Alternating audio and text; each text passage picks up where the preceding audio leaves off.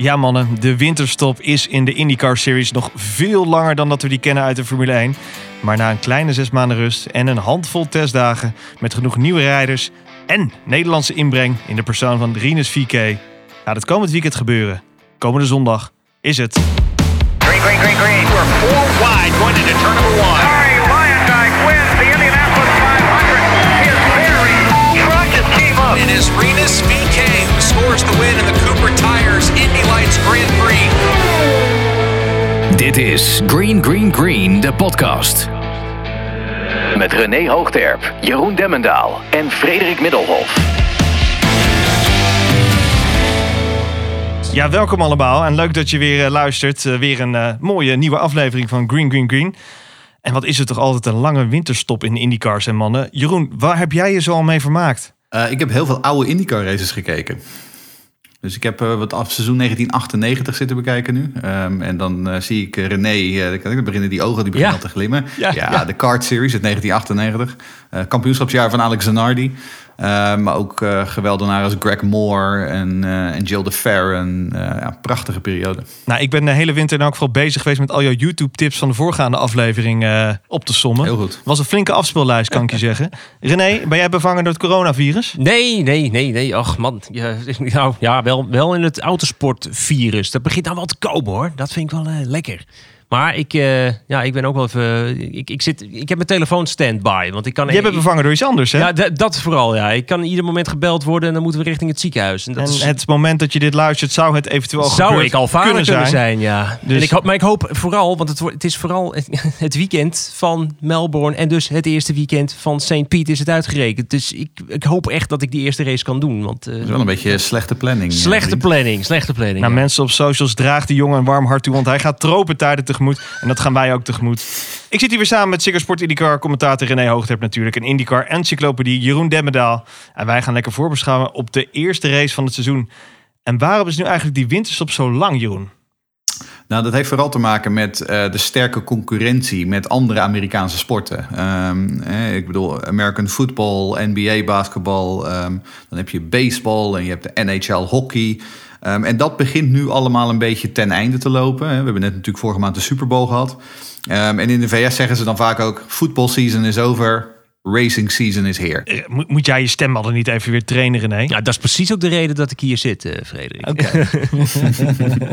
goede reden, goede reden. Een van de goede acht eh, redens. Ja. Maar goed, ja, dit weekend gaat het natuurlijk wel weer beginnen. En eh, natuurlijk de eerste Grand Prix van Melbourne. Even, als er geen coronavirus is, laten we het hopen dat iedereen eh, de poorten doorkomt. Eh, maar daarna hebben we nog eh, het autosport eh, toetje in de straten van St. Petersburg. En in deze aflevering hebben we het over de acht redenen waarom je dit weekend naar de Firestone Grand Prix op St. Petersburg moet kijken. Reden 1. Het deelnemersveld van dit seizoen, 26 auto's, jawel 26. Voor het eerst sinds 2012 dat er zoveel IndyCars op de grid staan. Wat mij betreft een prima ontwikkeling, want IndyCar illustreert eh, dat het steeds gezonder wordt. 21 fulltime rijders voor het kampioenschap dus, plus drie fulltime entries die gedeeld worden. Dus een aantal rijders, twee Cardens en een Void. Nou mannen, wat, eh, wat verdenken we ervan? Ja, ik vind het mooi hè. Ik bedoel, eh, 21 fulltimers. Dus je weet dat de ondergrens altijd 21 auto's Ja, voor mij is het allemaal nieuw, hè René? Ik bedoel, Nee, ja, ik de ik heb- fulltimers. Ik ben het altijd gewend dat er fulltime... Ja, Ja, maar een paar jaar tenzij je... hadden we Ja. de 16. Tenzij je een Gaston het hebt, die, eh, waarvan zijn Parmalat stoeltje weer op de tocht staat. Maar in principe ben ik dat je haalt gewend. nu wel Pedro Diniz en Mazzacane door elkaar, maar dat maakt niet uit. Het is bijna excuses. dezelfde breed. maar wat Jeroen zegt is wel heel terecht hoor. Nou ja, inderdaad. Kijk, weet je, ik bedoel, tot een paar jaar geleden hadden we gewoon, eh, wat ik zeg, had je 16 fulltime rijders. En had je nog een aantal entries die dan gedeeld werden door, eh, wat is het, zes coureurs. Maar nu heb je er dus 21 fulltime rijders die er gewoon iedere wedstrijd bij zijn gaan zijn. Dan heb je nog eens drie eh, auto's, de twee Carlins en de Void, die er in ieder geval iedere race ook bij zijn. Maar waar dan misschien de rijders kunnen verschi- verschillen. En dan hebben we nog twee parttimers die eh, in St. Pete aan de, aan, de, aan de start verschijnen. Hè, van Dragon Speed en Dryer en Rainbolt. Eh, dat zijn dan Sage Karam en Ben Henley.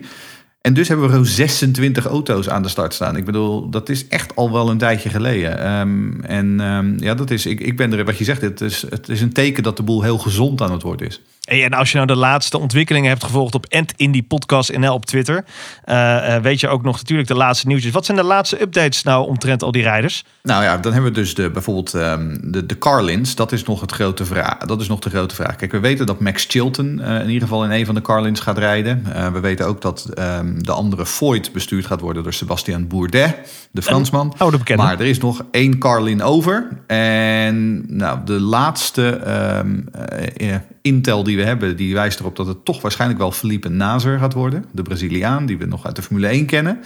Ehm, dus die gaat ook nu weer eh, Marcus Eriksson om zijn oren rijden, als het een beetje mee zit. Wat heeft hij trouwens in de tussentijd gereden? Open Braziliaans bolderkarren. Oh, Nee, oh, hij oh, heeft, oh. hij heeft IMSA, IMSA, gereden. ja. IMSA, Eh, dus oh ja. dat is de, de sportscars in, eh, Ja. in Amerika. Ehm, en daar is hij heel goed in. Daar, daar heeft hij echt heel veel succes al gehaald in de afgelopen seizoenen. Ehm, en ja, weet je, de IndyCar teams hebben al een tijdje naar hem zitten kijken van... Hmm, misschien moeten we die jongen toch eens een keer een kans geven. Ehm, hij, hij werd natuurlijk destijds uit de Formule 1 gegooid... omdat hij zijn Banco de Brazil sponsoring kwijtraakte. ja. en die heeft hij weer terug. Dus Precies. Dus dat is interessant. Interessant verhaal. En ook in de Formule 1 eh, eh, nooit echt opvallend, maar dat kwam ook door die zeepkist van de Sauber toen de tijd. Maar ook niet heel slecht was die. Nee, zeker niet. Ik denk, eh, ik, ik denk dat ik, ik ben heel benieuwd hoe die dat zou. als het, eh, nou, misschien op het moment dat je dit luistert, is het wellicht bevestigd, maar misschien ook niet. Ik denk dat het wel een hele goede aanwinst is om ook weer een extra Zuid-Amerikaan in het veld te hebben. Dat is toch, eh, ja, ik weet niet, dat is altijd financieel misschien ook wel interessant. Ja, want op dit moment hebben we geen Braziliaan op de grid. Hè? En dat is voor het eerst in hele lange tijd. Omdat natuurlijk Tony Kanaan eh, gestopt is als fulltime Veteraan. Ja. Ja, ja, ja, ja met zijn afscheidstoernooi. nou, en dan gaat het verhaal dat, eh, omdat meneer eh Nazer nog steeds gewoon in IMSA rijdt... ehm, en dus een aantal races moet missen... gaat dan het verhaal dat in die andere races eh, Sergio Sette Camara eh, uit de Formule 2... eh, die heeft uit de afgelopen jaar gereden. ehm, dat die dan dus de andere races zou invullen. Maar het is nog even afwachten. Carlin laat het echt op het allerlaatste aankomen nu. Reden 2. Reden nummer twee, ja, de titelstrijd. De titelstrijd tussen de drie grootmachten binnen de IndyCar. In de rode hoek hebben we het team van Penske. In de blauwe hoek hebben we Ganassi. En dan in een andere hoek hebben we het team van Andretti. En ja, dat, dat, dat, is altijd wel interessant hoor. Penske is natuurlijk altijd kanshebber. Niet zo gek. Met vier titels in de afgelopen zes jaar. Met natuurlijk regerend kampioen Joseph Newgarden. Die gaat voor zijn derde titel. Maar ook teamgenoten en voormalig kampioenen Simon Pagenaud en Will Power. Ook zij zijn altijd wel kanshebbers. Zeker voor het dagsucces. En als we dan bij het team van Ganassi kijken. Dan hebben we veel verraad Scott Dixon. Vijfvoudig kampioen, derde in de all-time rankings qua overwinningen. Wordt later dit jaar 40, maar is echt de onbetwiste kopman bij het team. En heeft ook een sterke teamgenoot in Felix Rosenquist, die vorig jaar een sterk debuutseizoen kende als Rookie of the Year. Daarover zo dadelijk meer. En daarnaast ook nog een nieuwe teammaat in Marcus Eriksson. En eh, daar verwachten we misschien iets minder van. Maar Jeroen, als eh, Zweedse inwoner, merk je wat in de nationale sportpers over de twee Zweden in deze IndyCar Series?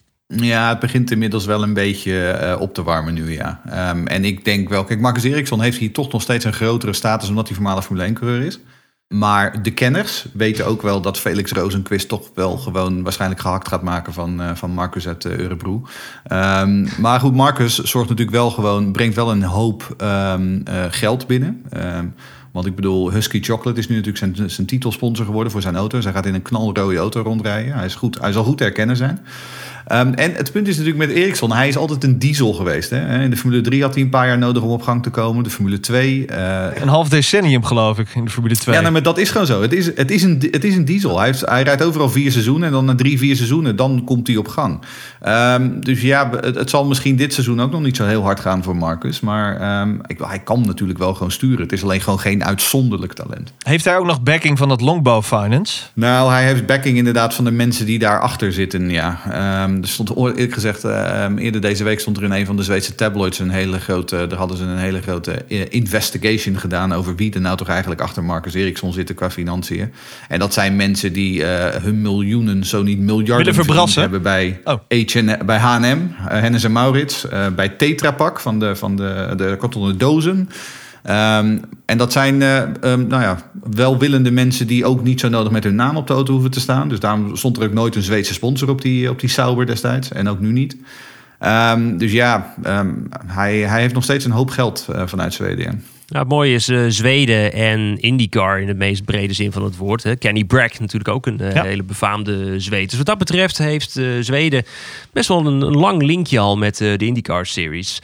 Nou, we hebben dus Penske gehad en Ganassi. En tot slot hebben we dus Andretti met maar liefst vijf auto's die zij inschrijven. Met Alexander Rossi als belangrijkste kopman. Kwam de afgelopen twee jaar net te kort om de titel te pakken. En voor hem zal dan drie keer scheepsrecht zijn. Althans, daar zal hij zelf ervoor gaan. Hunter Ray is een voormalig kampioen, maar kan op een goede dag nog zeker wel voor dagsucces gaan. Maar vooral vind ik interessant Colton Hurta, overgekomen van het kleine Harding Steinbrenner.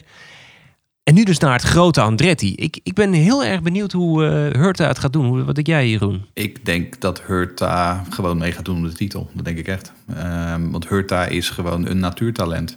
Ehm, en om heel te zijn, ik wil ook met Hunter Ray. Hè, ik wil Hunter Ray, daar ging vorig jaar alles mis wat er maar mis kon gaan. Dat- ja. Ehm, en, en Hunter Ray is natuurlijk hè, veteraan. eh, eh, ook iemand die altijd heel hard heeft moeten werken. Maar ook gewoon een voormalig kampioen. Voormalig Indy 500 winnaar. Ja.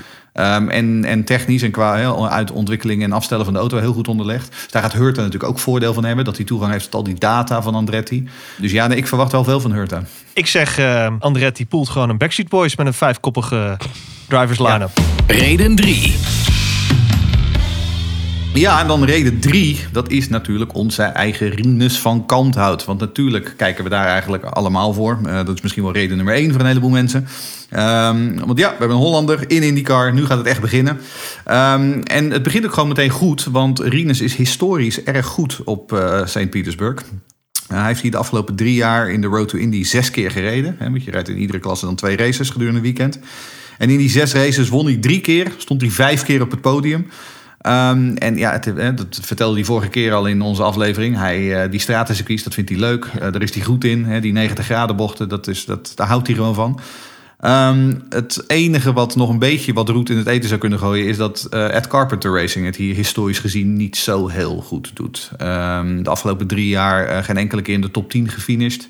Eh, meestal rond de 14e, 15e, 16e plaats gekwalificeerd. Dus ja, daar, ehm, het team zal nog wel wat snelheid moeten vinden. Maar Jeroen, is dat feit een toeval of heeft dat echt een daadwerkelijke reden? Ehm, nou ja, het punt is, kijk, Ed Carpenter Racing is natuurlijk relatief gezien, daar krijgen we straks ook nog een vraag over, relatief gezien een klein, vrij, eh, vrij kleine organisatie. Ehm, en als je dan inderdaad gaat kijken, Andretti heeft vijf auto's, Penske heeft er drie, eh Ganassi heeft er nu drie, ja, dan heb je de top 10 al gevuld, in theorie. En daar komt er dan ook natuurlijk eh Arrow McLaren en, en anderen bij. Dus ja, ik bedoel, ik, ik heb wel vertrouwen in dat Rinus eh, boven zijn materiaal uit kan eh, stijgen. Maar of dat genoeg zal zijn om echt helemaal vooraan mee te doen, dat moeten we nog even afwachten. Is het eh, te makkelijk gezegd dat Ed Carpenter Racing misschien iets te veel op de ovals heeft ingezet de afgelopen jaren? Misschien. Ja, maar goed, Ed Carpenter zelf is natuurlijk een oval-expert bij uitstek. Eh, daar, daar ligt natuurlijk hè, daar, daar ligt de origine van het team. Dus ja, Precies. eh, zonder twijfel. Maar om daar even op in te haken, wat bedoel je daar precies mee? Inzetten qua, qua driver line-up, qua, qua Nou, materiaal wat ze inkopen, Ed, Ed Carpenter, afstelling. Ed Carpenter, wat ik zo mooi vind aan Ed Carpenter, hij is nog de laatste De driver. Nou, dat, maar hij is ook de enige driver-owner in het veld. Dus hij is en rijder en is dus eh, eh, de man die de baas eh, daar niet alleen speelt, maar is bij Ed Carpenter Racing. En dat vind ik wel heel mooi. Maar hij is, zoals Jeroen al zegt, en jij ook al zegt, het is een oval specialist. En ik kan me voorstellen als de grondvader van het team zijn roots en zijn successen juist neerlegt op die superspeedways, ja, dan, dan is het toch misschien wel de filosofie van het team. Dan zit er de DNA verweven. Nou, of weet ik veel, misschien de technische Nou, maar ik know-how ook. Kijk, kijk weet je, hè, eh, Ed Carpenter is een eh, zoon van Indiana. Hè. Zijn team is, ge, ehm, is ge- gevestigd in Indianapolis.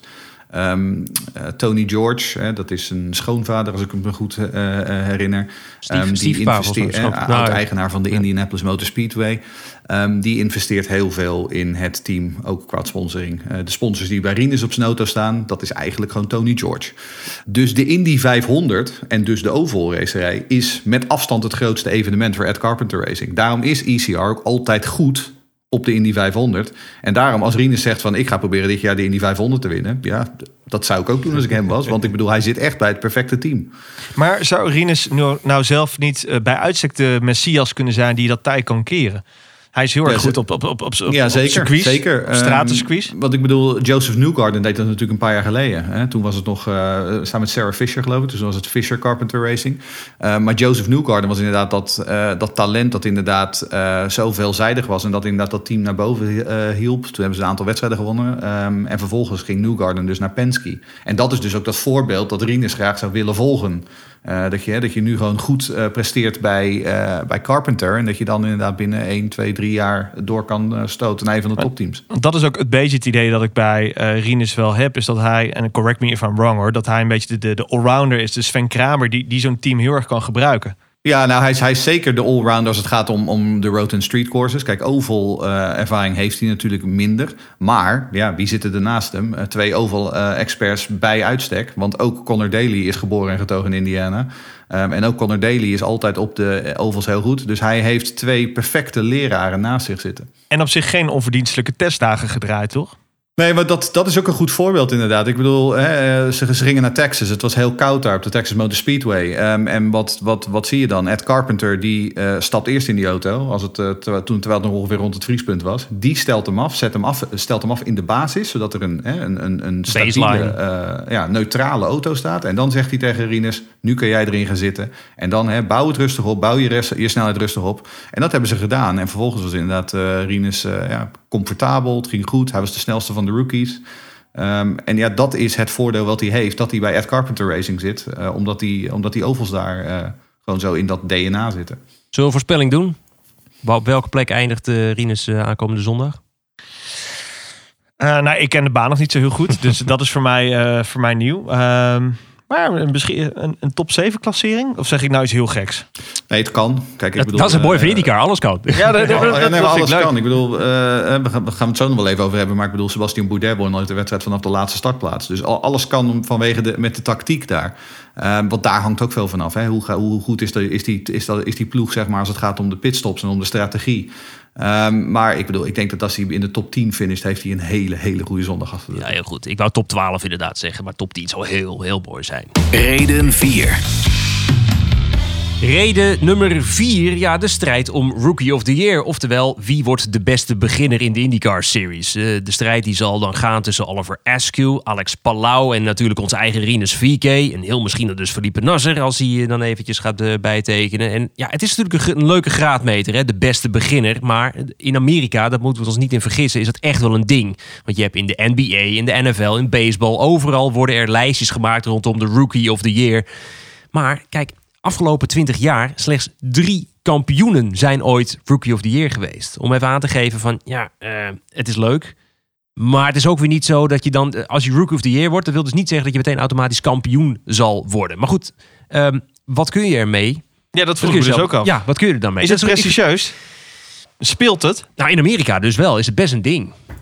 Ja, en laat wel wezen, ik bedoel, hij zou wel in goed eh, eh, gezelschap zijn. Want ik bedoel, hè, ehm, Arie Luindijk werd in 1985 ook Rookie of the Year. Zowel op de Indy 500 als eh, in, in de IndyCar Series overal. Sowieso is het hele rookie-principe in eh, Europa ons wel een beetje vreemd. Ik bedoel, in Frankrijk, als je je autorijbewijs haalt, moet je ook met zo'n elletje rijden. Of Wat is het? Mm. eh, voor, voor een jaar. Ja. Dat, zo zie ik dat een beetje, als dat R'tje wat dan in haakjes daarachter staat. Eh, Nou het is ja, voor mij nieuw. Een speciaal kleurtje op de Precies, natuurlijk. ze hebben hem ook. Hè? Ja, dat, eh, op de, op de, daar rondom de, de, het, het, het achterlicht, om het zo te zeggen. Er zit dan een gele rand, dan, eh, dan betekent dat je een rookie bent. Ja, en Rinus die, die denkt dan zelf dus ehm, dat niet zozeer zijn hè, eeuwige rivaal Oliver Askew, maar Alex Palau zijn grootste concurrent gaat worden. En dat vind ik wel interessant. Ja, ik, ik, ik ken Palau. Ik heb ooit, nou, heel, heel lang geleden, bij een, eh, een zender die niet eens meer bestaat, heb ik de Euro Formula Open heb ik gedaan. Dat zijn oude Formule 3'tjes waren dat. Daar reed Alex Palau ook mee. En daar was hij ja, redelijk, maar dan werd hij altijd tweede. Met Yu Kanemaru, dat soort gasten. Die je denkt, ja, die rijden nu eh, in de, de Aziatische Formule 3 ook in het middenveld rond. Dus ik vind het, nee, ik weet het niet. Ik ben heel erg benieuwd. Misschien is Alex Palau ook zo'n laadbloeier die, hè, die heeft volgens mij afgelopen jaar Formule, Europe, eh, het nieuwe Formule 3 heeft hij gedaan. Nou, misschien eh, wordt het wat. Ja, ik weet het niet. Nou, hij heeft Super Formula gedaan natuurlijk in Japan. Ehm, Oh, is dat twee en, jaar terug al? In dat, Ja, ja, ja, twee jaar terug was dat. Was dat het jaar dat Gassi dat, daar ook zat? Eh, nee, want dat was alweer twee jaar terug, geloof ik. Ja. Zo Tijd vliegt, hè? ehm, nee, eh, wat, maar Palau, want hij heeft dus een vrij sterke band met Honda. Eh, dat is ook de reden natuurlijk dat hij uiteindelijk bij Dale Coyne getekend heeft. Omdat Dale Coyne een Honda-team is. En, en de, er is ook die, die Japanse meneer, meneer Mr. Go heet hij geloof ik, is daar eh, bij betrokken. En die, die is ook degene die dit hele, deze hele deal bekokstoofd heeft. Ehm, en hij heeft vorig jaar in die Super Formula het gewoon heel goed gedaan. In een klasse waar die zelf vol zit met Japanners. Die al die eh, ehm, eh, Japanse circuits eh, blindelings kunnen rijden. Hij moest ieder circuit iedere weekend opnieuw leren. Ehm, en hij werd gewoon derde in het kampioenschap. Dus ja, op basis daarvan heeft hij wel een hele goede indruk achtergelaten. En vervolgens zei ze tegen hem: Oké, jongen, wat wil je verder? En hij zegt: Ik wil naar Amerika. Hij wil echt heel graag naar Amerika. Dat is wat interessant aan Palau. Hij is echt iemand die ontzettend verliefd is op Amerika. Eh, hij woont ook in Austin. Eh, dus hij heeft in Austin heeft hij een appartement en hij, eh, hij voelt zich de koning te rijk. Dus ja, ik, ik, weet je, en hij Ik zit, dus, hij zit ja. gewoon lekker in zijn vel, hè? Ja. Eh, en dat scheelt. Is heel ook wat waard. Ja, ja, ja, leuk. Hoi, dit is VK en volg Indie Podcast NL op Twitter. Ja, er zijn natuurlijk ook wat luistervragen binnengekomen. Hartstikke leuk natuurlijk. En Tom Plaum heeft eh, over deze vierde reden gevraagd. Hoe denken jullie dat Oliver Askew het gaat doen? Als winnaar natuurlijk van de Indy Lights van vorig jaar. En een van de grootste eh, eh, concurrenten van onze eigen Rocket Renus. Ja, want we weten wel wat Renus er zelf van vindt. Ja, maar hoe denken jullie erover? Ik denk zelf dat... Ik, mm, ik weet het niet bij Askew. Ik heb altijd zoiets van, eh, is het misschien niet meer een team geweest? En- Maar hij is, hij is, natuurlijk is hij goed. Maar ik, ik, ik, ik moet het maar zien. Nou, als ik, het zo van, van Jeroen begrijp, is Oliver Askew op zich wel een, best wel een, een redelijk talent. En Rinus is dat ook. Zou het niet een beetje zo'n zo'n Verstappen Science battle kunnen worden? Zonder de, zonder de, de rivaliteit. Ja, Off track. Hij zat, eh, toen ze samen in USF 2000 zaten, toen zat ehm Rinus bij Pabst Racing, ehm, wat een redelijk topteam is daar. Maar Oliver Askew zat bij Cape. Cape Motorsport, dat is zeg maar het Mercedes van de USF 2000. Dus ja, Oliver Askew werd gewoon kampioen daar. Een jaar later gingen ze samen naar, eh, Pro, eh, naar Pro Mazda. En toen zag je gewoon dat Askew toch wel wat moeilijker had. Dat hij moeilijker had om zich aan te passen aan die auto, om hem af te stellen. eh, omdat hij opeens niet meer bij echt een topteam zat. En Rinus werd daar gewoon fluitend kampioen. Ehm, afgelopen seizoen in Indy Lights zat Askew weer bij Andretti. En Andretti, wederom, dat is het Mercedes van, van de Indy Lights. Ja, Rinus zat bij een team wat eigenlijk helemaal geen titelkandidaat kon zijn. ehm, maar was het toch. En uiteindelijk hebben we toch nog tot de laatste eh, race in Laguna Seca geduurd... voordat Askew serieus de titel binnen had. Ehm, ik denk dat eh Rinus meer natuur, natuurlijk talent heeft. Wat bij eh Askew wel zo is, is dat hij natuurlijk wel gewoon bij een echt een goed team zit. Hè? Ehm, Ja. eh, Arrow McLaren SP heeft heel veel centen. Ze hebben heel veel nieuwe goede engineers weggekocht overal en nergens. En ik denk wel dat hij daarvan gaat profiteren. Dus ik denk, ik denk wel dat hij gewoon een goed seizoen gaat draaien als hij er zelf geen potje van maakt. Eh, alle omstandigheden, zeg maar, en alle ingrediënten om een goed seizoen te hebben, die zijn er. Ja, zijn omgeving is wat dat betreft nog idealer dan... eh, nou, de- nou, voor een rookie heeft hij het eh, wat dat betreft prima voor elkaar, denk ik. Maar ik, wat je zegt, Jeroen, ik vraag me af hoe die qua rijder echt is. En, hoe goed hij daarin is. Nou ja, Rinus, Rinus zelf die zegt erover dat, dat Askew... eh, hij zegt hij is heel goed zeg maar, als hij zelf eh, de race kan bepalen. Als hij vooraan rijdt en hij kan zelf zijn tempo bepalen... dan is hij bijna niet te, niet te kloppen. Maar, zegt Rinus, ik ben beter als het gaat om gewoon puur race. Om mensen inhalen, om zeg maar, weet je, vechten eh, tijdens een race. En daar is Askew misschien net wat minder. Dat is ook wel mijn, mijn indruk, ja, als je ze inderdaad gezien hebt de afgelopen jaren. Als Askew wat verder naar achteren stond... dan had hij er altijd net iets meer moeite mee dan, dan Rinus... om zichzelf weer naar voren te vechten. Maar eerste race. Wie staat er voor wie? 4K staat ervoor. Reden 5. Maar goed, dan hebben we het net al over de, hè, de drie topteams gehad. Ehm, maar wie gaat die grote drie dit jaar serieus bedreigen? Want we hebben wel een aantal kandidaten. Eh, we noemden ze net al, Arrow McLaren SP. Ehm, heel veel geld, vooral met, eh, dankzij McLaren. Want McLaren heeft daar toch echt wel eh, flinke investeringen gedaan. En dan hebben ze dus die twee jonge honden. eh, hè, Oliver Askew, maar ook Patricio Award, El Mexicano. Ehm, en Patricio kan ook wel heel... eh, is een hele goede rijder. Ik denk dus eerlijk gezegd dat Patricio Award rondjes rijdt om Askew. Ik weet niet Dat waarom. zou zomaar kunnen, ja. Dat Maar gewoon echt de Filistijn in rijdt. Gewoon echt. Ja, nou ja, ja. Nou, niet zichzelf, maar gewoon Ja, nee, maar ja, de battle. Ja. precies. Ja, ze hij reed samen met Hurta, zeg maar, aan het einde van 2018 bij Harding Steinbrenner. Reden ze één race op eh, Sonoma. En uiteindelijk was het toch wel degelijk Award die eh, daar eigenlijk de meeste indruk achter liet. En Award, Award raakte vervolgens zijn contract kwijt omdat ze sponsoren ermee ophielden. Maar ehm, Wat ik vreemd vind bij die award is dat, is dat Red Bull hem zo snel gedumpt heeft. Ja, maar Red Bulls wegen zijn onnavolgbaar wat dat betreft. Ik snap het niet. Weet je, ik bedoel, eerst zetten ze hem in een Formule 2 waar hij nog nooit in gereden heeft. Op een baan waar hij nog nooit in gereden heeft. Dan rijdt hij twee we- weekenden in een Formule 2. Vervolgens schoppen ze hem naar, naar Japan. Waar die trouwens, eh, wat hij toen deed met zijn social media in die periode. Dat hij Japans ging leren en zo. En ik dacht, weet je, hij is echt Red Bull materiaal. En vervolgens Ja. rijdt hij drie races in Japan. Ja, die jongen die is ook gewoon aan het leren. En dan zeggen ze, nee, sorry jongens, niet goed genoeg. Ik, ik, snap, ik snap er helemaal niks van, van die, die Red Bull eh, eh, episode. Maar ja, ik weet, dus, ik weet dus niet of hij echt als Red Bull Junior was. Want volgens mij heb ik begrepen dat hij nooit door Red Bull gefinancierd is ook.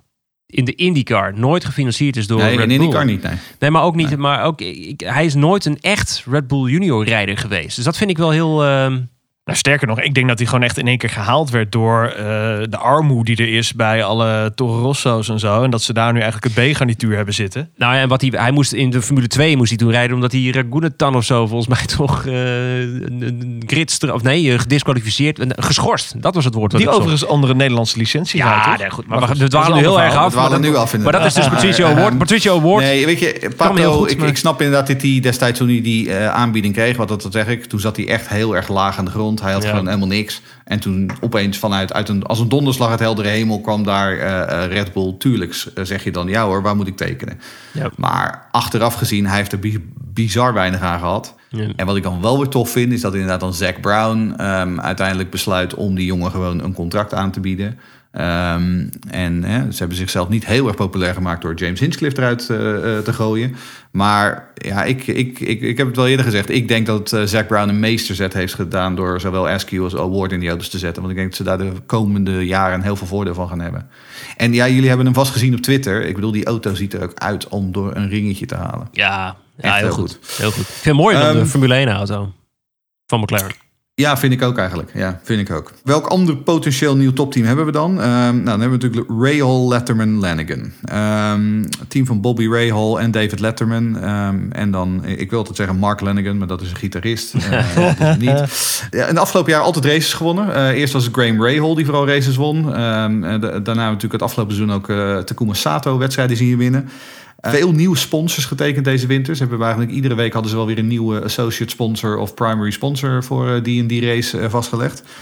Dus ja, dit is de vraag. Gaan ze nu dan eindelijk de sprong naar die top maken in 2020? Eh afgaand op wat ze tijdens de springtraining op Kota deden, denk ik niet dat het erin zit. Want daar ehm, stonden ze echt heel erg in de onderste regionen, eigenlijk de hele dag ook.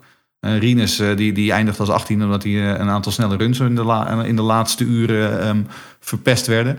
Maar ehm, zowel Rail als Sato konden eigenlijk gewoon helemaal geen pot te breken. Dus het hangt er nog een beetje vanaf. Maar dan hebben we natuurlijk ook Ed Carpenter Racing. Is dan Ed Carpenter Racing die zeg maar nu met Renus VK en ook wel met Connor Daly die gooi naar de top gaat doen. Ehm, als je kijkt nogmaals naar de grootte van de organisatie, ik weet het niet.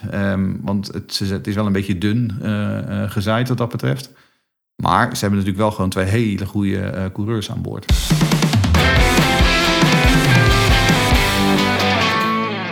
Remco van der Waarde vroeg ons via het Indie Podcast NL. Hoe groot zijn de teams nou eindelijk? Niet alleen op de baan, maar ook de thuisbasis, et cetera. Welke bedragen spenderen zij nou in een seizoen? Jeroen, Ja, nou ja, daar zit natuurlijk, net als in de Formule 1, ook in IndyCar een verschil tussen. Ehm, maar ik heb gewoon, ik ben een beetje gaan turven. En wat, je bent even de KVK van Amerika afgestruind en kijken eh, naar de absoluut. Ik heb- Ik jaarrekeningen. heb telefoontjes gepleegd vanmiddag inderdaad met eh, de PR-afdelingen. Ehm, nee, ehm, als je kijkt naar een team als Penske, dat is het absolute topteam. Die hebben om en nabij de 350 werknemers die aan een, het IndyCar-team werken. Penske heeft ook een NASCAR-team. Penske heeft ook een IMSA-team. Dus in totaal werken er geloof ik zo'n 6 à 700 mensen bij Penske Racing. Maar ongeveer de 350 werknemers ehm, bij het IndyCar-team. En daarvan hebben ze 40 engineers. Ja? Dan moet je even bij stilstaan. 40 engineers, dat zijn Ik, er echt ik, een hoop, ja, hoor. ja, maar ook die 350 zat ik al van, zoveel? Ja. Voor een IndyCar team is dat best wel veel, denk ik. Best Kijk, wel, dat is absurd veel. Dat, dat is behoorlijk veel, ja. Maar goed, ga Ja. door. Dan heb ik gekeken naar Ganassi. Chip Ganassi, ook wel eigenlijk denk ik het kleinste van de drie topteams. En Ganassi heeft ongeveer 250 werknemers. Ehm, maar dat is dan ook inclusief het NASCAR-team. Dus ik denk dat, dat je dan uitkomt op ongeveer 200 mensen eh, bij, eh, voor de drie auto's die ze in IndyCar rijden. En als we dan gaan kijken naar Ed Carpenter Racing van Rinus, ehm, die kun je zelf sturven, want ze staan allemaal op de website. Ehm, dat zijn er een stuk of 40. Dat Ja. is het. Ja. Ja. Dus Ed Carpenter Racing, die hebben, eh, Penske heeft meer engineers dan Ed Carpenter Racing aan het totale aantal werknemers onder contract heeft staan. Dat is het verschil. Ehm, en als je dan misschien Rinus en Connor en Ed zelf ook nog meetelt, dan kom je misschien dichter bij de 50. Maar ik bedoel, weet je, het, het is gewoon echt een kleine organisatie. Ja, ja maar ik vind het wel eh, 350 man voor Penske, terwijl het dus een, een, eigenlijk een spec-auto is. Ja. dus het, is geen, het zijn geen ontwerpers, Nee, wat dat betreft. Ik vind het echt heel veel, heel veel man. Maar dat Je geeft ook wel aan Penske dat het echt een echt grootmacht is. om maar na te gaan. Mercedes Grand Prix heeft in, heeft in Brackley hebben zij geloof ik 1200 man in dienst. Ja, maar die moeten, die moeten elk jaar een auto ontwerpen. Ja, en dan dat doen ze verdomd goed met zo'n DAS-systeem en zo. Dus dat, en dat is, dat, is, dat is geen specauto, dat is gewoon een technologische ontwikkeling. Dus wat dat betreft is het relatief best wel veel. Dat ben ik zeker met Precies. je eens. Ja. Ja, nou, dan werd er ook inderdaad dus nog gevraagd door Remco over ehm, hè, hoe- welke be- bedragen spenderen zij in één seizoen. Nou, wat we geloof ik hier al eerder gezegd hebben, budget voor één auto is door de band genomen ongeveer 5 à 6 miljoen dollar per jaar. Eh, daarmee kun je een auto runnen. Ehm, nou, bij Penske, hè, die zal daar wel richting de 7, 8 lopen. Dus dan, dan wordt het al, als je dat bij elkaar optelt met drie auto's, dan kijk je al naar 25 miljoen dollar aan. Eh, terwijl Andretti dan richting de 40 miljoen loopt. Maar ook hier weer, ehm, ik bedoel, een team als Dragon Speed, daar heb ik ook even naar gekeken. Ehm, ik kan het niet helemaal precies vaststellen, maar die hebben waarschijnlijk een dozijn à 15 mensen rondlopen. Dat is het. Ja, en die geven geen 5 miljoen per jaar uit hoor. Echt niet. Want dat hebben ze gewoon niet. Dus vergeleken met de Formule 1 bedragen is het nog steeds allemaal peanuts natuurlijk. Ik bedoel, 5 miljoen, dat geven ze bij Red Bull uit. Gurney flap aan de rechter Ja. voorzijde. En aan de versnaperingen voor de, voor de pers. Maar ik bedoel, ja, het, aan de andere kant, ik heb het niet in mijn achterzak zitten. Ehm, dus er zijn nog steeds wel flinke bedragen. En dit is ook de reden dat altijd, teams altijd nog steeds aan het zoeken zijn naar nieuwe sponsoren, naar nieuwe geldschieters. En waarom die Indianapolis 500 zo belangrijk is. Hè? Omdat ze natuurlijk, ze hebben nu natuurlijk net de, de prijzenpot met 2 miljoen dollar verhoogd. Ehm, en ja, daar kun je gewoon, hè, dat kan je seizoen maken of breken als je daar een, eh, een, een goed resultaat behaalt. ja, je wil eigenlijk die piece of the pie wil je natuurlijk wel krijgen. Ja. Reden 6. Ja, reden nummer 6, dat is de locatie zelf. St. Petersburg in Florida. Ja, een geweldige locatie voor een race. Net zoals de Formule 1 in Melbourne al sinds jaar en dag een stratenbaan. Dus als eh, seizoensopener met een klassiek gedeelte richting downtown St. Pete. Maar vooral kenmerkend vanwege het vliegveld wat eh, wordt gebruikt als start-finish gedeelte. Het Albert Whittert Airport. Wat altijd voor genoeg spektakel zorgt door het brede rechte stuk. Wat als een soort trechter de eerste bocht in vormt. Dus dat is altijd voer voor schade gevallen. Ja, en daar gaan ze dus aanstaande zondag 110 rondes rijden over dit eh, krap drie kilometer korte circuit. Is dit eigenlijk een leuke stad, dat Sint Petersburg? Ik heb geen idee. Ik ben er Ik- nog nooit nee, geweest. nee, het maar eh, de baan loopt wel langs het... Is het Salvador Dali Museum? Salvador Dali, ja, In de, museum, in de ja. haven, ja. Ehm, dus ja, ze hebben wel wat cultuur. eh, en het is Florida, dus het zonnetje schijnt er meestal wel. Prima vertoeven, denk ik. hoor. Ik wil dat zeggen, ja. Eh, mannen, wat hoogtepunten door de jaren heen. Wat is jullie bijgebleven? In 2017 toen ehm, had eh, Sebastian Bourdais een waardeloze kwalificatie met Dale Corn Racing. En die moest helemaal achteraan starten. Hij was toen 21ste, want toen hadden we namelijk maar 21 auto's aan de start. En geen 26. Ehm, en door een briljante eh pitstopstrategie, eh een beetje geluk met wat gele vlaggen. Heel veel geluk, maar hey. Ja, maar ook gewoon goed rijden, want je moet er ook gewoon staan. En je moet er ook Dat gewoon op dat moment op de juiste plek zijn. Eh won hij de wedstrijd vanaf de allerlaatste startplek. Ehm, nou ja, dat hoor je ook niet iedere dag. Dus dat is, eh, dat, dat, dat is natuurlijk wel een unieke race in die zin. Dat, en dat, hè, dat maakt ook IndyCar zo mooi. Dat je op een stratenbaan, waarvan je zou zeggen... nou, hoe moet je daar nou kunnen inhalen? Nou, op St. Piet kan het best aardig. En dat je door eh, een beetje geluk en goede tactiek... dat je dan gewoon van helemaal achteraan... gewoon ook een stratenwedstrijd zou kunnen winnen. Ik denk zelf aan 2018, het jaar erop. Toen was eh, de debutant Robert Wickens... die eh, leek zijn allereerste wedstrijd te winnen... Mm, was met nog, eh, wat is het, twee, drie, nee, misschien volgens mij de laatste ronde of twee rondjes. Was echt in de slotfase in ieder geval. Was er een herstart. Ja, Wiggins toch een klein foutje. Net eventjes niet, de, niet de push to pass ingeschakeld. Waardoor hij wat te weinig vermogen had. Rossi die dacht, nou gooi ik hem er echt naast. Beide mannen raakten elkaar, beide mannen de muur in. En wie was de lachende derde? Ja, nu ga ik. Dat weet ik niet meer. Sebastian Bourdais. Sebastian die won het meer. Oh die won het meer. Dus die had dus twee keer geluk gehad. En ja, maar het, om even aan te geven, er is altijd voer voor spektakel. Nu doe ik even een debedaaltje. Bekijk de beelden even terug op YouTube. Oh, zeker.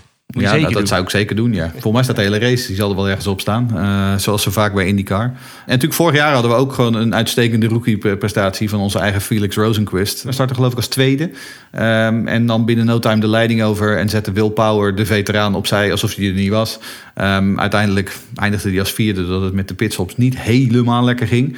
Maar ehm, ja, het is, hè, dat is denk ik het model... wat, ehm wat, wat Rinus moet gaan proberen te volgen. Het model van Wickens Rosenquist. Gewoon meteen uit de startblokken schieten... en, eh, en je visitekaartje afgeven. Durven. Grote vriend van de show, Patrick de Groot, vraagt zich af... naar welke race kijken jullie het meest uit? En de Indy 500 mag je daarbij niet meerekenen.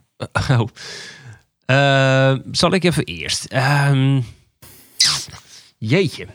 En dan mag er maar één kiezen. Ja, jullie hebben mij eh, met die 101 zo bang gemaakt voor die Texas Motor Speedway. nou ja, die Dan- wou ik dus bijna noemen. Nou, maar dat noem ik hem. Oké, prima. Dan ga ik een andere. Dan ga ik voor Long Beach. Ik ben altijd groot liever van Long Beach. Tuurlijk, de Bloods en de Crips. Maar het is... ehm, eh, ik hoop elk jaar dat Long Beach gewoon een leuke race wordt. En het is elk jaar, dan- dan hoop ik er misschien te veel op. En dan valt het de laatste jaren stiekem een beetje tegen. En daarom, Die van maar ik, twee jaar geleden. Het was niet om aan te zien, weet ik nog. Er gebeurde helemaal niks. Precies. Dus nou ja, ik, hoop, ik hoop echt, ik hoop echt dat... eh, Maar ja, dat was natuurlijk in de Formule leuk 1 ook in Baku. Dat Ja. we twee fantastische Ja. racejaren hadden. Ja. Ja, ik zat het seizoen 1998 terug te kijken. En echt, als je op YouTube zit, zoek even Long Beach 1998 op. Wat een wedstrijd. Waanzin. Maar goed, ik wilde eigenlijk ook Long Beach noemen, dus dan doe ik dat niet. En dan noem ik Portland. Want Portland is ook een klassieke IndyCar-baan. Ehm, en de afgelopen jaren, ze zijn daar sinds twee, drie jaar weer terug. Eh, en Portland is gewoon eh, altijd een goede wedstrijd. Altijd veel spektakel. Ehm, als het een beetje geluk heeft, eh, als je een beetje geluk hebt, dan regent het ook. De pijpen stelen in de American Northwest. Ehm, dus ja, daar mogen we ook op hopen. Ja, mooi, een mooie wedstrijd. Daar kijk ik wel naar uit, ja. Weet je wat nou het mooie is? Jij noemt Texas. Dat is een superspeedway. Ik noem Long Beach. Dat is een stratenbaan. En Jeroen noemt een roadcourse. En dat is nou het mooie, de diversiteit van de IndyCar Series. Reden 7. Ja, en dan gaan we naar reden nummer 7 om te kijken. En dat is dan, eh daar moet eigenlijk allemaal mee beginnen op vrijdag. Ehm, en dat kun je allemaal via internet doen.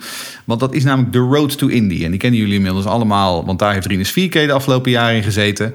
Ehm, want net als F1 heeft ook eh, IndyCar een laddersysteem. En ook die beginnen hun seizoen in St. Petersburg.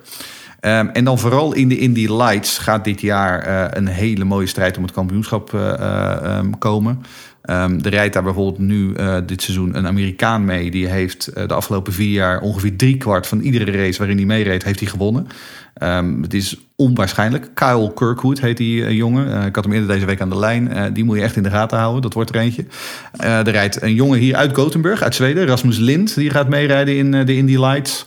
Er is een oude zoon terug. Santi Urrutia. Die man die komt uit Oh ja. Nou, Uruguay, we kennen het allemaal. Het is het enorme autosportland Uruguay. Die is twee keer tweede geworden in de Indy Lights. één keer derde. eh, en had eigenlijk al lang in een IndyCar moeten zitten. eh, maar dat zit hij nog niet. Eh, en die gaat het nu dit jaar weer proberen om die Indy Lights titel te winnen. En op die manier dan eh, naar de IndyCar te komen. Dus ja, er is, altijd, ehm, er is altijd spektakel. Dat kun je volgen, wat ik zeg, op internet via Road to Indy op Facebook. Ehm, ze hebben ook een, een speciale app die je kunt downloaden. Dat is de Road to Indy app. Als dit uit is gekomen, dan eh, kan ik je ook aanraden om even naar eh, de website f1feederseries.com te gaan. Want daarvoor ga ik een, eh, een preview schrijven op het hele Road to Indy seizoen. Dus dat kan Gaaf. ik jullie ook aanraden. Leuk. En daarmee is de zelfpromotie weer geweest. Helemaal goed. En helemaal terecht. Reden 8. Ja, dat is natuurlijk de volgende aflevering van Green Green Green. Want in de komende show gaan we uiteraard de eerste twee races van het nieuwe seizoen bespreken. Want op 5 april is het tijd voor de Grand Prix of Alabama op Barber Motorsport Park. Ja, en wat vinden we dan van Alabama? V- Leuk? Jee or nee, zoals ze in het Amerikaanse congres zeggen? Ik vind Barber vind ik een. eh, ik vind het een. Nou, ik simrace een beetje. Barber is echt wel een technisch. Het, echt een hele moeilijke baan. Het is echt een achtbaan. Heel veel, heel veel hoogteverschillen. Wat dat betreft. Zo eh, eh, anders dan natuurlijk eh, St. Piet. En Meteen al twee eh, flinke uitdagingen voor eh, de rijders. Lijkt hij Ja, een beetje op Laguna Seca? Mm, ja, Laguna Seca ligt natuurlijk midden in de zandduinen. Klopt, dat is een klopt, beetje, klopt. Maar, maar, Maar qua, qua verloop? qua verloop wel Ja? een beetje. Ehm, en het, het, het weer is ook altijd zo onverruidelijk in Alabama. Want ik bedoel, we hebben daar ook gewoon wel een aantal forse regenraces gehad. Ik kan me nog eentje twee jaar geleden of drie jaar geleden herinneren. Dat Twee was jaar echt- terug. Dat is niet te geloven. Het was een hele gave race ook om te zien. Ik kan me nog herinneren dat Spencer Pickett toen geloof ik 45 man inhaalde onder- in, in één race.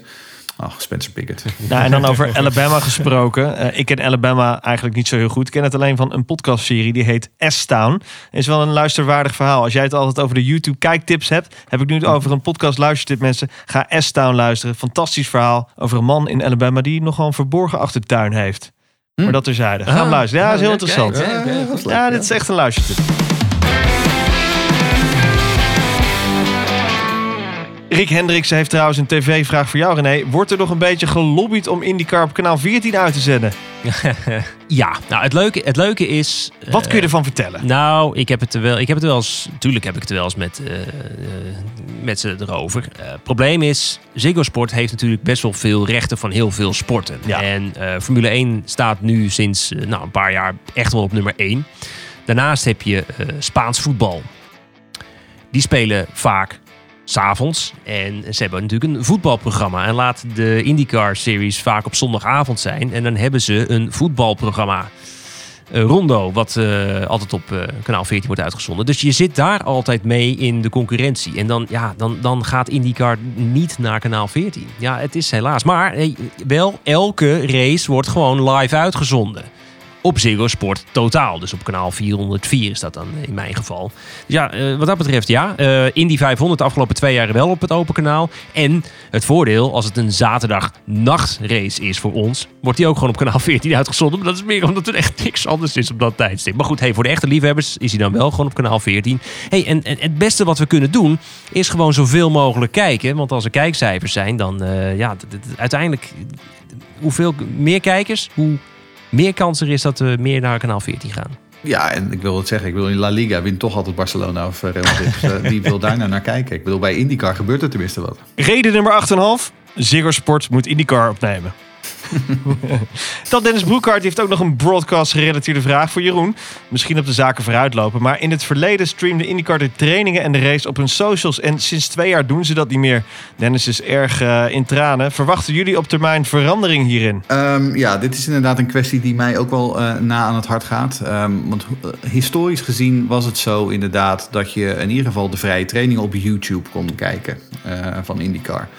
En toen met ingang van het seizoen vorig jaar, 2019, kreeg IndyCar een nieuwe tv-deal met NBC uit Amerika. En NBC heeft een, ehm, een app voor je iPad en dat heet NBC Gold.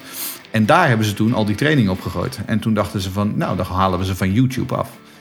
Het enige probleem is, NBC Gold kunnen jij en ik niet krijgen, want dat is alleen voor Amerika. Ehm, ik heb contact opgenomen met NBC ehm, nadat ze hun broadcastplannen voor 2020 bekend maakten. Dat was wederom alleen gefocust op Amerika. Dus ik heb eh, geprobeerd contact met, eh, de pers, met de persmeneer op te nemen. Die persmeneer die leest zijn e-mails heel slecht. Of hij kan zijn telefoon niet vinden. Ik, ik weet niet wat het is. Eh, ik heb helemaal niks teruggehoord, ondanks herhaaldelijke herinneringen van... Hey, ik had nog een vraagje. Kunnen jullie misschien even antwoord geven? Maar nee. Ehm, Kun je dus niet zo'n eh, kun je niet zo'n heb ook- illegale satellietbox installeren bij jou? Eh, zou vast kunnen, maar ik heb daar geen verstand van, van al die satellietdingen. Ik heb mensen die kunnen jou wel even koppelen. Het Oh, in die podcast NL, mailt je maar. Maar je, wil, je wilt gewoon legaal kunnen bekijken. Oh, je En wilt dat, gewoon dat legaal snap ik wel. En dat is wel leuk dat je dat zegt, Jeroen, over dat, eh, dat is natuurlijk heel erg Amerikaans. Op de, de, de- een, een eigen wereldje leven en ook qua hoe het uitgezonden wordt. Kijk, ik hoor heel vaak op mijn oortje krijg ik de Amerikaanse regie. En het is echt zo, op het moment dat de Amerikanen naar een commercial break gaan, dan hoor ik letterlijk dat gewoon de koptelefoon wordt afgezet en is het gewoon... Zo, nou eh, jongens, we gaan eventjes een... eh, Pietje, over, over, nee? over drie minuten zijn Ja. we weer terug. Met andere woorden, dan krijg je dus drie minuten lang krijg je een, een, een onboard shot te zien van een random iemand die ze gewoon aanzetten. En dan leunen ze achterover en dan komen ze dan over drie minuten terug. Dan zit je dus op het moment dat er heel vaak ook gewoon inhaalacties plaatsvinden, zien wij dat allemaal niet. Omdat ze dan gewoon naar een eh onboard shot eh, De internationale te broadcast kan gewoon de tering krijgen eigenlijk. Precies, precies. En dat is zo jammer. En we hebben zo vaak al eh, inderdaad contact met waarschijnlijk dezelfde personen. Van, goh, denk nou er eens eventjes over. Want wij krijgen nooit een running order. Ja, ik ga eventjes misschien technisch worden. Maar eh, normaal heb je een prachtig draaiboek. Ik heb eh, jarenlang ook de Formule E gedaan. Sorry, ik zeg het eventjes hier in deze podcast. Het Formule E-woord. Ehm, daar krijg je prachtig, helemaal uitgewerkt, een draaiboek tot op de seconde nauwkeurig. Cues krijg je gewoon helemaal door, helemaal geen enkel. In Amerika, dan denk je IndyCar, goed geregeld. Helemaal niks. Ik weet, ik weet volgens mij god niet wat ik ga Nul krijgen. show prep. Nou, Helemaal niks. En het interessante is ook dat tegelijkertijd eh, IndyCar, eh, Jay Fry, dat is de CEO, de topman van IndyCar, ehm, en, en zijn eh, soldaten, corporate soldiers, die roepen te pas en te onpas, ja, maar we willen heel erg graag groeien buiten Amerika. We willen vooral dat internationale publiek aan ons binden. Daar willen we echt veel meer mee doen. Ehm, ja. Ehm, Nou hebben ze ehm, ehm, anderhalf jaar geleden ook een internationale media broadcast arm opgezet. Dat is een speciaal team, zeg maar, die dus die internationale broadcast rights en broadcast plannen eh, moet gaan ontwikkelen. Daar staat een meneer eh, aan, het, eh, aan het hoofd. Dus ik heb ook contact opgenomen met IndyCar headquarters. En ik heb gezegd, luister, vorig jaar rond die Indy 500 was het een bende. Er was een hoop geklaag over, waaronder van mij. Ehm, kan ik misschien eens eh, een telefoontje hebben met die, eh, eh, het hoofd van jullie broadcast arm en kan die mij gewoon eens uitleggen wat zijn plannen zijn voor de internationale streaming opties? Want er is namelijk gewoon veel vraag naar. Ook daar tot dusverre heel, heel weinig, weinig respons. Om een lang verhaal kort te maken, Dennis, ik weet het nog niet. Het, het lijkt mij, ik, ik zou er niet op rekenen, ehm, want het is inderdaad allemaal heel erg Amerikaans gefocust. Ehm, ik ram er heel erg hard op en met mij ook anderen eh, om, eh, om dat hè, een beetje meer uit die Amerikaanse eh, sfeer te trekken. Maar eh, het is vechten tegen de bierkaai op dit moment. Eh, en ik hoop inderdaad dat, hè, omdat nou in Zweden is het populair, omdat het nu in Nederland populair gaat worden, omdat er hè, misschien Alex Palau gaat in Spanje de boel wel populairder maken, dat je op die manier uiteindelijk dat ze gedwongen worden om ook meer naar, eh, naar, naar andere markten te gaan luisteren. Ja. Nou, dat doet me ook wel even. Ik val weer even terug op een eerdere eh, vraag. Moeten we niet met die hashtag Rocket Venus wat meer gaan strooien? Ik bedoel, we hebben het in Nederland al voor elkaar gekregen om een Grand Prix weer op poten te krijgen na Ja. 35 jaar. Ja, ja. Ja, maar goed, ik bedoel, onze volgers ook, dat weten we allemaal. Die strooien eh, dat het een lieve lust is met die eh, Rocket Venus eh, hashtag. Ehm eh, Marshall Pruitt die vertelde me onlangs dat hij eh, de, het aantal luisteraars vanuit Nederland echt eh, door, de, door het roof heeft zien gaan in de afgelopen maanden. Waarom? Ja, omdat er gewoon nu meer aandacht is hier. Gaaf. Dus misschien dat op termijn het wel ver- verandert. Want nogmaals, het is niet alleen Nederland, het is ook Zweden, het is ook andere Europese landen. Ehm, Zuid-Amerika, vergeet ook niet. In Zuid-Amerika zijn heel veel mensen heel erg teleurgesteld over de, ehm, de opties die er zijn om dit op tv te kunnen volgen. Ehm, en dat is dus waar dus dat, ja, wat ik zeg, waar die eh, broadcast eh, eh, team die moet daar dus aan gaan werken. Maar tot dusverre is er nog niet zo heel veel van terug te zien. En dat is een beetje jammer. Ja, ik, ik heb ook wel eens voorbij zien komen ehm, waarom Ziggo niet de kwalificatie uitzendt. Ik weet wel voor de Indy 500, dan wordt vaak gewoon de zender opengezet. En dan zie je wel de kwalificatie, maar wel met Amerikaans commentaar. Dus dat jullie, is, hebben de, jullie hebben de kwalificatie niet. voor dit jaar. Oké, ja, because in Nee. Zweden, hier in Zweden zenden ze dus de kwalificatie. Oh, überhaupt? Sorry. Nee, überhaupt. Nee, nee, nee. We hebben helemaal geen kwalificatie. We Oh ja, doen nee, alleen, in we doen Zweden alleen wel, de races. Ik weet namelijk dat ze op een gegeven moment waren ze dat niet van plan. En toen hebben we hier met een groepje eh, Zweedse fans, eh, ik ben daar ook nog wel een beetje instrumenteel in geweest, hebben we dus gewoon tegen Viasat hier gezegd, de rechterhouder van, ja maar kunnen jullie, jullie kunnen dat toch gewoon regelen? Dat moet toch gewoon kunnen? En voilà, opeens hadden we inderdaad kwalificatie. Ja. Ehm, dus een Ik denk beetje, dat ze- druk, een beetje druk zetten jongens, op die Ziggo-mensjes daar. Dat eh, kan helpen. Oh, dan moet ik ook elke zondagavond zitten. Ben of met- zaterdagavond. Nou, oké, prima. Ben je met, eh, ik bedoel, Jeroen, je bent bebaard. Ben je met een eh, honkbalknuppel daar even... Nee hoor. Nee, het, zijn hele vriend- het zijn hele vriendelijke mensen bij Viasat. En wat, dat doen ze ja, goed daar. overdag, ja. Oh, ja. Want ze luisteren, ze luisteren daar dus gewoon. Eh, ze kregen gewoon van heel veel mensen het bericht van... hey, wij willen graag die kwalificatie zien. En toen dachten ze, oké, fijn, dan gaan we dat uitzenden. Ja. Maar ik wacht even, voordat het een Ziggo-bashing gaat worden. Het lijkt me niet heel verstandig. Ik, eh, we- het- zij hebben natuurlijk, ehm, dat moeten we niet vergeten. eh, ze hebben heel veel autosport. En, eh, en het is geen Formule 1. En hoe, hoe graag we dat ook zouden willen dat het als Formule 1 wordt behandeld bij Ziggo Sport, is dat niet zo. Het staat voor Ziggo Sport op dezelfde hoogte als Formule 3, Formule 2 en ja, ook als de Formule E. En daar moet het maar mee doen. Maar hey, we hebben wel gewoon elke race wordt wel gewoon live uitgezonden. Maar goed, dan moet je wel Ziggo Sport totaal hebben. Vooruit maar. En is er niet één man die hier veranderingen in kan brengen... als hij gewoon die eerste race, die eerste plaats haalt? Ja, dan zijn de weet, kaarten heel anders geschud. Tuurlijk, ja toch? Wie ja, weet, ben ik ja. Ja, ja. Daar gaan we voor duimen.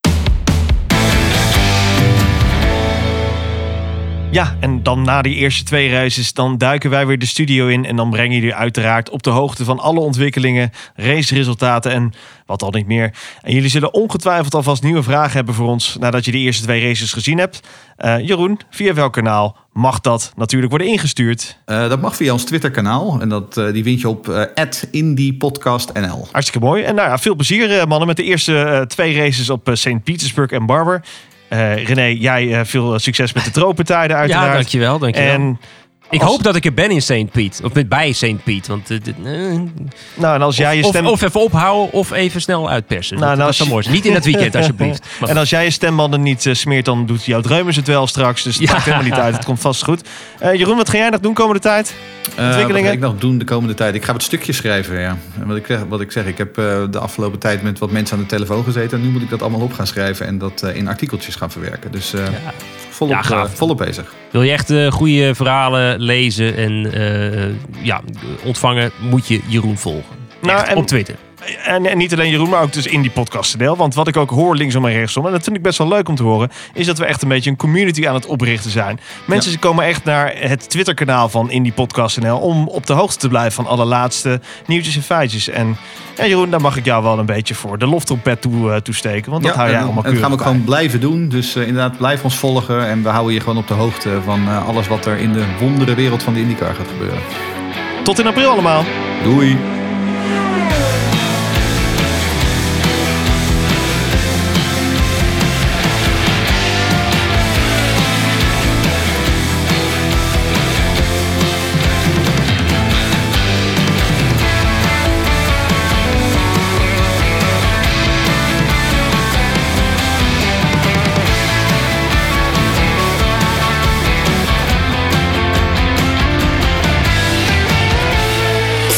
Laatste IndyCar nieuws van Green Green Green op Twitter via @indiepodcastnl en abonneer je op Green Green Green via je favoriete podcastplatform.